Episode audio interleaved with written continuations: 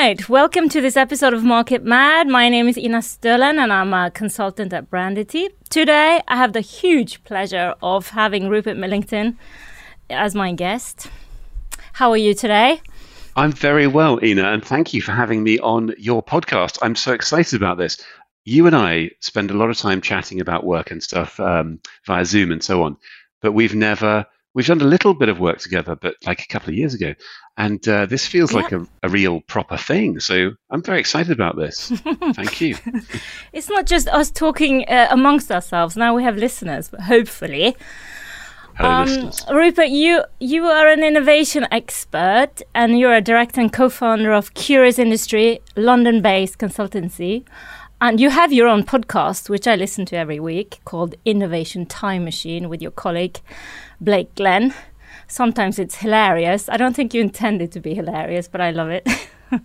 well, the, I think the, the, the truly hilarious bits are mostly people laughing at us rather than with us, for sure. But I'm very grateful be. for uh, for our one Norwegian listener. Thank you very much.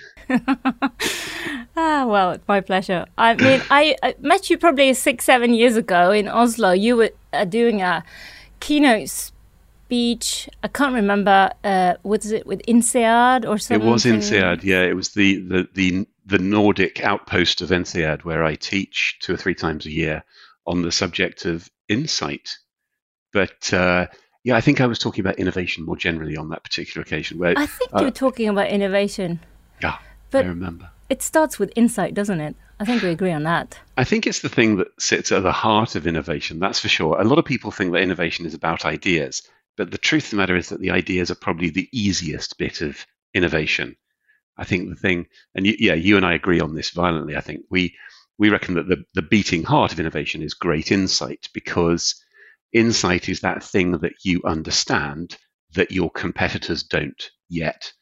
And that's what gives you that window of competitive advantage because if you can if you can leverage that thing that you understand that nobody else does just now then you have that uh, you have that competitive advantage you have that edge. Yeah.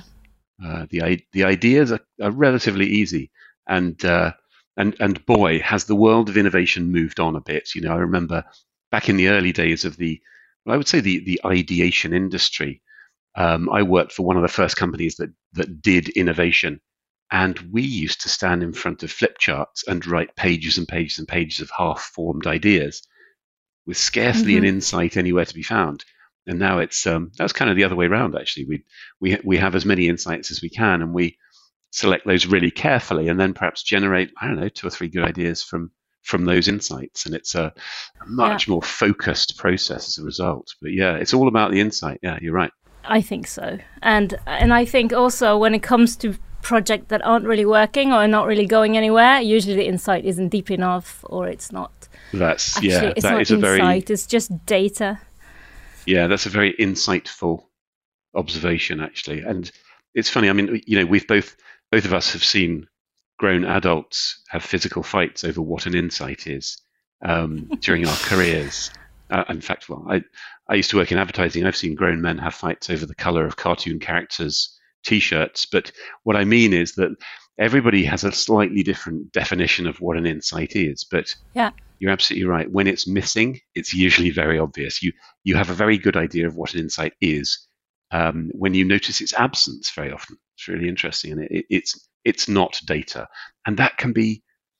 I think you probably find this too. That can be so uncomfortable for some people because if you if you want to get from a piece of data or a piece of information to an insight, then you have to make a leap of imagination. It's quite intuitive, and very often there is no immediate proof that your insight, your hypothesis, is true, mm. and that's terrifying for people who love the certainty side of business. And uh, I think you know, in your work and in my work, part of our skill is really to to help people feel comfortable with insights that are in fact hypotheses um, and, until they can be proven to be true. And that's, uh, that's, that can be a tough road. Mm. But when you do, I mean, you do consulting, innovation, and strategic consultancy, uh, but you also do teaching at INSEAD. And when you, you, teach what insight is, what you tell your students, which are basically business people, this is a sort of MBA style of teaching, right? What do you? How do you explain it to them? Because I can tell you, mm-hmm, not everybody really gets it. That's true. Yeah. Well, I always tell them that it's, uh, and this is this is me and my colleagues at Curious Industry. We always say that an insight is an understanding of a topic, and it's usually a deeper understanding of why somebody does or says what they do, uh, which gives you a competitive advantage. So it's uh, it's very often something that's hidden, either deliberately because uh, somebody somebody might be keeping their motivations hidden, let's say, mm. um, or unconsciously hidden because somebody has never really bothered to articulate it to themselves. You know, the reason they buy a particular brand, or the reason that they they behave in a certain way as a consumer. And um, I think it's it's very often emotional. Um, there's there's a strong emotional element to the most powerful insights. You know, and the the um, I don't know if you like this analogy or not, but it's a bit like the light and the dark side of the moon. You know, the, the rational explanation for people's behavior is very much like the side of the moon that you and frankly everybody else can see when you look up. And I think if you really want the full picture, you need to be able to somehow find a way to understand the dark side of the moon, you know, the emotional hidden side. Mm. You know, they're, they're two parts of the same thing. It's still the moon. It's still it's two parts of, of the the human behavior that you're interested in. But woe betide anybody who imagines that all you need to understand is the rational side. Not least because you know it's it's the bit that everybody can see, and it it doesn't always lead you to a, an interesting place actually. Um, and hilariously, there are categories where you kind of go, oh yeah, you know, the emotional side of people's motivations are enormously important here. Obviously, categories like I don't know fragrances or uh, filmed entertainment or whatever. These are very emotional categories. Everybody gets that. Yeah. But then you get into pharmaceutical and finance and you know business to business agricultural machinery, and people go, oh no, no, it's a very very rational category. Everything that goes on here is rational. Absolute nonsense. I mean, some of the most irrational behavior you will ever see is around health, is around money. Um, technical decisions very often are massively yeah. sort of clouded or influenced psychologically by, by people's emotions. And I think you have to embrace that and just get on with it rather than just pretending this category is clinical and emotionless. Yeah. And I think it's often easy to laugh at the emotional insight because yeah. it's it's maybe very basic to even like human nature. I remember, and this is like when I was a child, my grandfather bought a new car because his tires were worn down, right? And at the time, I just thought that was like the stupidest thing someone could ever say, you know. But he loved cars. I realized afterwards, this is the first uh, pro- uh, my meeting with real insight is that that was just the excuse he needed, you yeah. know. Yeah. I mean, I'm sure you can relate. You love cars. it, it's true. I can't. Yeah. Have you ever I, bought I, a new car because you needed new tires? Of course you have. I would. Uh, I've, I've bought a new car because the ashtray needs emptying. I mean, it's uh, or it just needs a good a good hoovering. But I think any excuse. Uh, it's it's amazing the way rational beings. Uh, I mean, rational beings have an amazing capacity to delude themselves that they're they're making mm. rational choices, but in fact they're being, you know, highly emotional. Yeah. And it's it's true in every single category. Um, you know, you've heard enough of my stories. And you know that's that's what I always find very fascinating talking to you because I I don't know if you know, but I've since I met you, I've kind of tracked you down because I wanted you to be my mentor, and I've used you, used and abused your time without asking, really. But shamelessly, um, shamelessly, and I I call you and I would say things like, "Oh, have you worked on toothpaste or chicken or car insurance or hepatitis C or you know?" And you always answer. Yeah and I uh, tons. I would then pretend that I had and tell you some story. Yeah, I, I remember that. Yeah. really?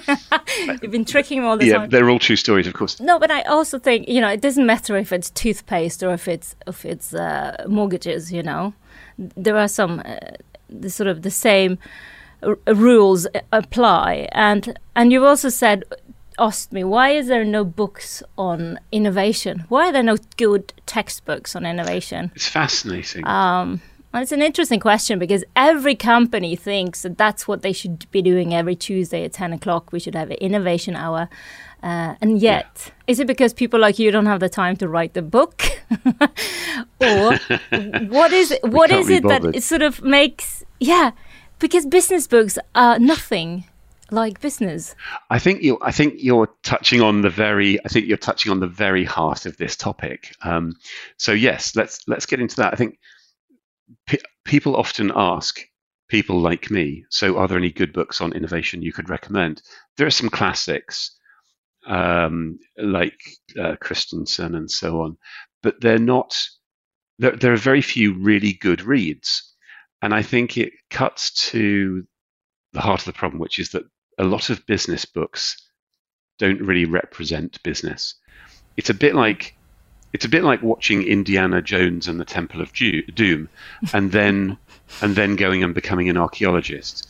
These these two things look kind of the same, and they turn out to be amazingly different. And so there's mm-hmm. business, mm-hmm. and there's the business of business books. And I, I think that the business of publishing business books is highly admirable and all the rest of it. But for God's sake, don't imagine for one moment that business books represent what real life business is like. Mm. Um, and and I think if you if you were to write a book about the true nature of innovation, I don't think it would be full of stories of disruption and entrepreneurship. I don't think it would be this roller coaster ride that that that you get from a lot of business books. You know, the average business book has one very simple theory at its heart, and then a whole load of wonderful case studies to pad that out. Yeah. Um, and I think I think I think there may be a fantastic opportunity in summarizing business books down to three pages and charging people much more money for the three page version than you would charge them for the 300 page version. Anyway, that's another that's another opportunity altogether. But if you if you look at true life stories of innovation, very few of them are about disruption or about you know mm. genuine challenger brand thinking or whatever. Most most innovation is quite work a day. It's you know, here's a problem. Let's understand it. Let's solve it. Let's implement that that solution. Mm. And I think that's absolutely fine. You know, so so things like disruption make for great business books, but it probably accounts for about you know one percent of the work that we do for sure. Um, and I, I, think that's okay. But um, yeah, come along to one of my lectures, and and you'll find out you know frontline stories of innovation rather than um, business book sort of blockbuster edge of seat stories. So what when your clients come approach you, what kind, what is it that they find difficult? Because if it's a it's part of the daily business, and still they need help solving uh, yeah their challenges. It's a it's a good question. I think the the biggest problem with innovation is a problem is, is one of the characteristics of business. Businesses tend to work best by finding something that they're good at and then doing that better and better and better and better. And by doing that, they will become more profitable. Um, they will become more widely uh, widely used. They will grow a larger and larger share of the market, and they become more and more successful at doing the one thing that they do, or the, the small selection of things that they do. And of course, if you then think about diverting energy and attention and money away from doing that one thing that your business is brilliant at doing, that inherently makes your business less efficient. And it is inherently more risky because you're investing money away from your core business. And that's a very difficult thing for many businesses to do, which is why they end up making innovation a separate thing. And that's where the problem starts. The more separate you make innovation from your core business, if you make it a Tuesday at 10 o'clock thing, or more commonly, quite frankly, a let's go off and have an away day once a year thing, then I think two things happen. First of all, you never become any good at it because you're not doing enough of the innovation to become really expert at it. Yeah. But your innovation becomes disconnected from your core business. And you're not innovating on your core business. You're innovating on something that is really quite disconnected. And I don't know if it's another tortured analogy or not, but the kind of ideas that are created in that situation are very often like they're like transplant organs. That uh, you know they have to at some point they have to be implanted in the host, and if they're too different from the host's existing systems, they just get rejected because they're not built for the reality of that business. They're built for some sort of sideline fantasy, some sort of parallel universe because that's how they've been created. Yeah. And I think that's the, the toughest part. So getting it right means looking at your existing business, saying, how can we improve this? Um, how can we how can we identify the needs of customers who are perhaps not our core customers right now? And how can we start catering to those unmet needs rather than just focusing upon meeting the articulated and well known needs of our core customers? And I think that's easy for me to say, and I think it's a harder thing to do. But you know, when large organizations buy very successful brands that are challenging them, the reason they do that is that there is something about those big brands structures that mean they're almost incapable of developing those sort of biting at their heels type brands, the challenger brands, if you like. Um, and that's why they end up having to buy them from other people Yeah, who yeah. have been brave enough and unencumbered enough to develop those brands themselves. So I think that's one of the toughest things. And I think that the risk taking nature of innovation is a real challenge to most organizations.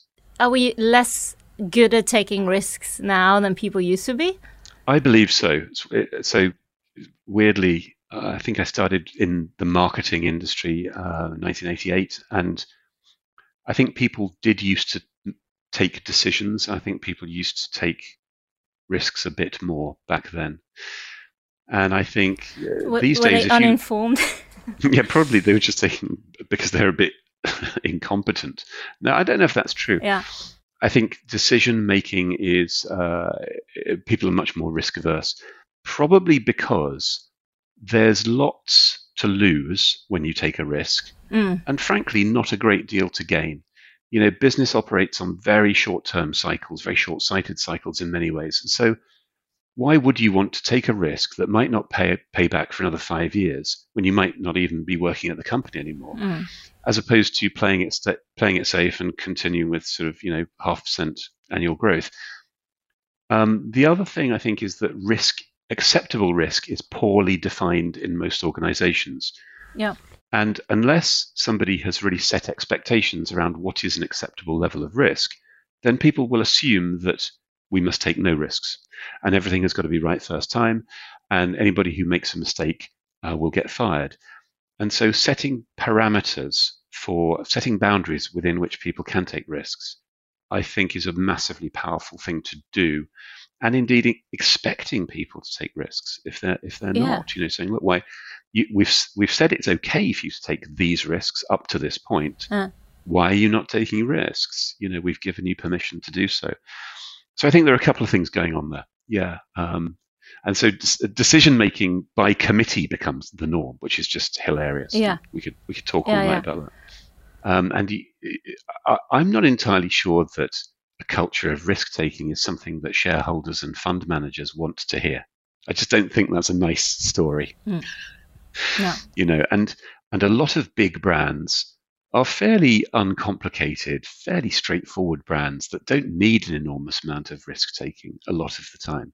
And that's why it's the little startups that find it so easy to take risks and uh, Yeah. because they're not they're not weighed down by all of the restrictions of bigger brands. Yeah. Uh, the importance of fucking up. I think the importance of giving people permission to fuck up allows them to grow as humans. It allows them to be braver. But you have to set parameters for it. You can't just say, hey, everybody, take some risks, because somebody will take all the company's money out of the bank and put it on a horse race at some point. And that's, a, that's probably a risk too far. Set some boundaries and you should be okay, I think. yeah. I mean, people people take risks in all kinds of ways that they don't realize are risks. Um, we see really good ideas sometimes get lost in dilution. I think that's a risk. I think creating a great idea and then diluting it down so that it gets exposure, but then somebody else, one of your competitors, does the really good version of it. Mm. I think that's a risk. I think spending hours and hours in meetings that go nowhere is risky. It just Mm. doesn't look quite as obviously like a risk. Yeah. I think ideas that are poorly communicated, you know, there, there are people who can't communicate an idea without the aid of, aid of a 40 page PowerPoint deck. That, there may be a really good idea hiding in there somewhere, but boy, is it hiding. Yeah. I know. That's risky. It's time consuming. Ideas get wasted. People misunderstand them, you know. Yeah.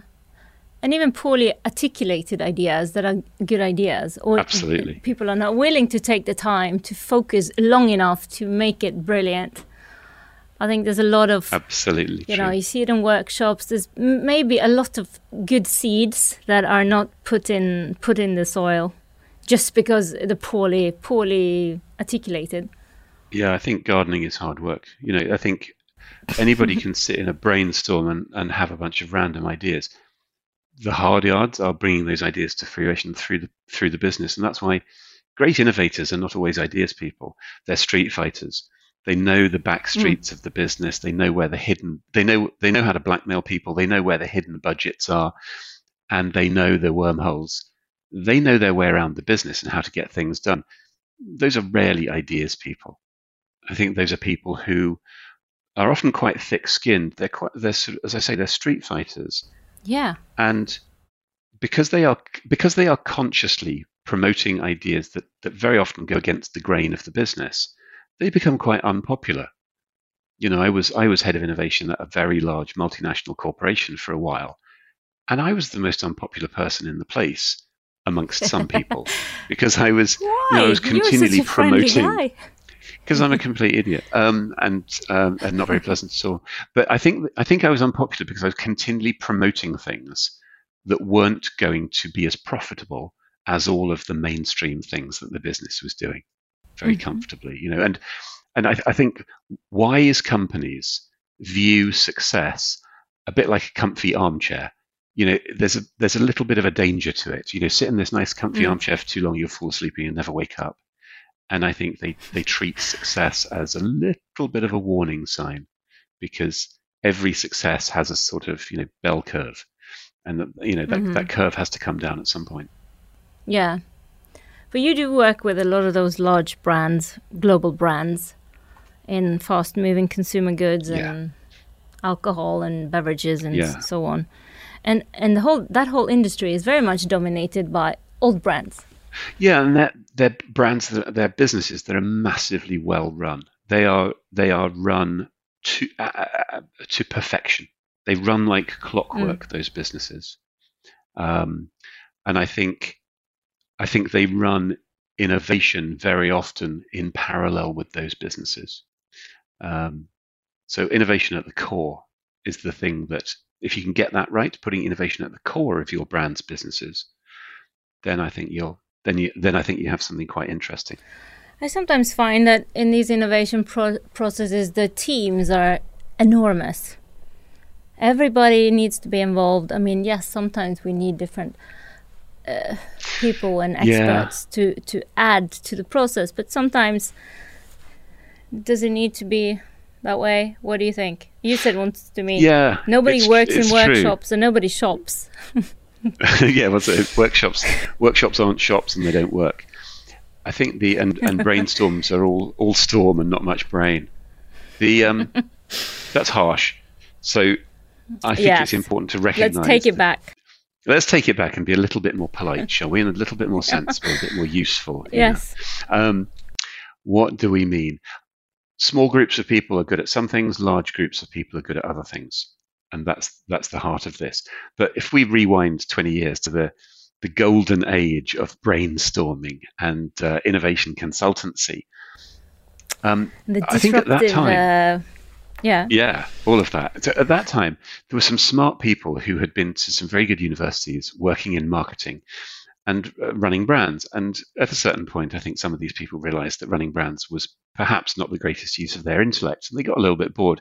And then along came these people who would run brainstorms where um, people like me who would run brainstorms where everybody sat on a beanbag chair and used crayons to write on a brightly colored piece of paper. It was as much fun as you could have at work with your clothes on.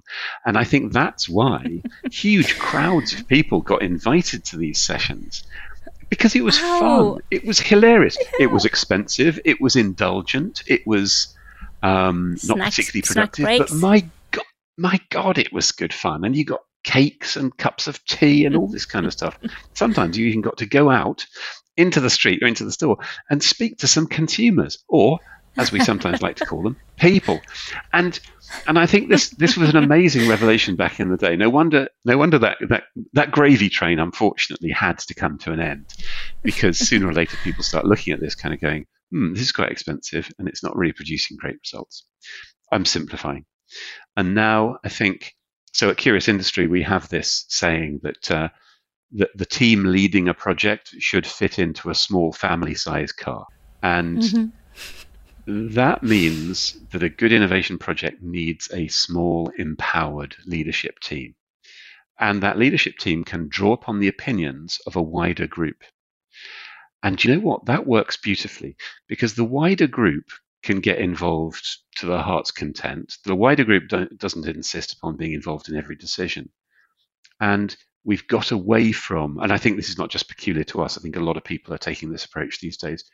We've got into a situation where not every division, not every part of the silo needs to be represented on the innovation project, which often used to be the case. People used to be somebody would would be sent along from production and somebody from finance and somebody from sales. Yeah, yeah. Very often just to keep an eye on things and make sure that no work came their way as a result of this innovation project.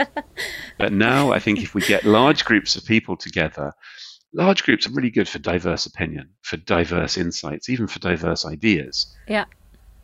And that's great, you know, and you know, in our process, we will often have some starting ideas and we will we will generate those starting ideas at Curious Industry um, based upon really solid, deep emotional insights. And rather than asking our clients to generate ideas, which is something that not, not all of them are particularly good at, we take our ideas to them. We say, look, here are some ideas. Can you, can you make them practical? And it allows our clients to use the skills that they have, the things they're really good at, to analyze those, those ideas and make them better. And that seems like a much more sensible division of labor to me. We do what we're good at, which is insight and imagination. And we then put these ideas through the client side of the process where the client makes them better, practical, profitable. Um, mm. feel, feels sensible. I don't know. It works well. That's what, that's what I will say. It works pretty well most of the time. Yeah. But when you can you be very can you be more specific to give our listeners some examples of when you come when you come to a client with uh, your ideas that you want to verify or to to sort of alter and, and check with them? What what can an idea be? What's a what's a finalized idea? Because i mean it can be anything but mm. so if you're working on a project at the um, at the start of a project we will have a really good long conversation about what success looks like you know so what are, what are we trying to mm. do for this brand are we trying to um, get more people using it? Are we going to get? Are we trying to extract more value from existing consumers? Are we trying to increase premium perceptions? Are we trying to stretch the brand into another territory, another category? Mm-hmm. I think starting with some of those questions is really, really important. You know, why are we doing this, and what will be the measures of success? Yes. And if we if we don't do that at the start of the project, then we find ourselves unable at the midpoint and the three quarter point and the end of the project to judge one idea against another. We won't know when we've succeeded mm. if we don't define success right at the start. And those conversations can be long and difficult because if you say to somebody, do we want more consumers or do we want to extract greater value from existing uh, consumers? Oh, yes, please. All of the above. Yeah. All of the above, please. And and so we have to sometimes have those conversations in a slightly extended format to try and nail what we're really trying to achieve. We will shape ideas using the appropriate insights to deliver upon those objectives. And I think when we present an idea to a client, even if in its emerging form, we'll say, look, this is why we think this idea shows promise. And it's it's not always an idea. Sometimes it's a strategy. And I think we use ideas to bring strategies to life, to illustrate strategies. We say, well, here's our strategy. It goes like this and it might be illustrated by an idea that looks like this. So we, when we are presenting these strategies or, or ideas, we'll say, we think this is promising because it ticks these three boxes that we identified three weeks ago at the start of the project. Yeah. Um, and so I, I, think, you know, articulating ideas and strategies mm, uh, insight and benefit. I think there's so many different ways, models you can use. So you could use a consumer facing concept, you could use something that will be used within the business to give the idea traction. Not exactly a not exactly a, a, a business plan, but a business case. That's another way you can present an idea. Uh, mock-ups uh, for physical products. Um, whatever whatever gains most traction in terms of what is supposed to happen to the idea next. Yeah. So what is its the next stage of its development? And I think that's an interesting skill for an innovation eh, project. You know, producing an output that will plug neatly into the next phase of this concept's life. Mm. And so that people also you design it so that people will get it and talk about it. You know, if you want to if you want to kill an idea, do it with 100 PowerPoint slides.